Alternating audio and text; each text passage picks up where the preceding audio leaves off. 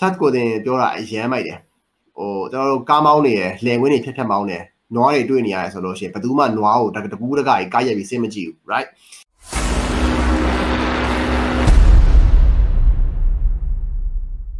ဟို product အသစ်ကိုဈေးကွက်ဘယ်လိုဖောက်တယ်လဲအကြံပေးပါအောင်ကိုရေးတဲ့ skin care brand တစ်ခုတွန်းထားလို့ပါတယ်ဆိုတော့အာ okay product အသစ်ကိုဘယ်လိုဖောက်တင်လဲဆိုတော့ကြတော့ okay that's a good question um uh okay so product အသစ်ဖောက်တဲ့ဟာကတော့ကျွန်တော်ထုံးစံအတိုင်းပဲတော့အများကြီးပြောင်းသွားတာမျိုးတော့မရှိပါဘူးကျွန်တော်တို့တော့ဟို content content content content content ပါပဲကျွန်တော်အတွက်ကတော့အဲ့တော့ဟို skin care brand အသစ်တစ်ခုသွင်းလာရဆိုတဲ့နေရာမှာဘယ်လိုမျိုး target market target segment ကိုကျွန်တော်သွားချင်တာလဲဆိုတဲ့ဟာမျိုးလေးကျွန်တော်သိရဖို့လိုအပ်ပါတယ်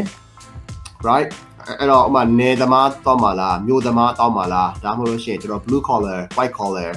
ဒါမှမဟုတ်လို့ရှိရင်ကျွန်တော် housewife တွေဟိုဘယ်လိုမျိုး target segment ကိုကျွန်တော်တောင်းလဲဆိုတော့အရင်ဆုံးစဉ်းစားကြည့်ကြည့်ပါပြီးရင်သူတို့နဲ့ဆက်ဆက်နိုင်တဲ့အာ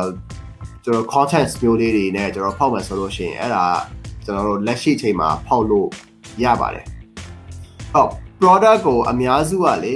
อืมကျွန်တော်တို့ကဘာနဲ့ဘာနဲ့စပြီးဖောက်စေခြင်းလဲဆိုတော့ differentiation လုပ်ပါ USP ဆိုတာအရေးကြီးတယ် unique selling point လို့ကျွန်တော်တို့ခေါ်တယ် USP အရင်အရေးကြီးပါတယ်အာဆိုတော့ကျွန်တော်ကဗျာအခုမြန်မာပြည်မှာရောက်နေတဲ့ဟာတွေအကုန်လုံးအသားချောတယ်ဘာဖြစ်တယ်ညာဖြစ်တယ်ပေါ့လေတင်မအသားချောလာတယ်ပြီးတော့ရှင်လင်းလာတယ်ဂလိုးလာတယ်တင်မအဲ့လိုမျိုးစာရင်းနဲ့ရေးပြီးတော့လုပ်နေကြတာများတယ်ဆိုတော့ကိုယ့်ရဲ့ကိုယ့်ရဲ့ ပစ္စည်းကကိုယ့်ရဲ့ brand ကအဲ့ဒီရှိနေတဲ့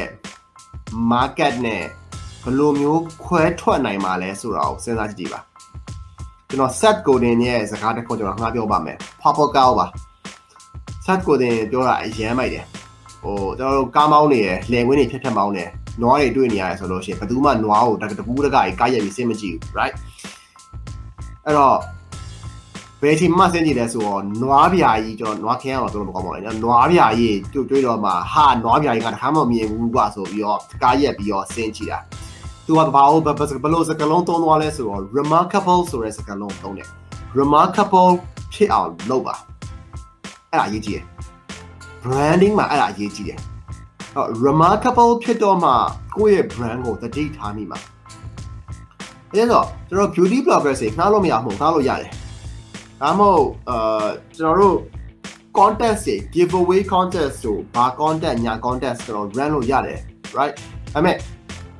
ကိုယ့်ရဲ့ product နေရာယူထားတဲ့ positioning တစ်ခုက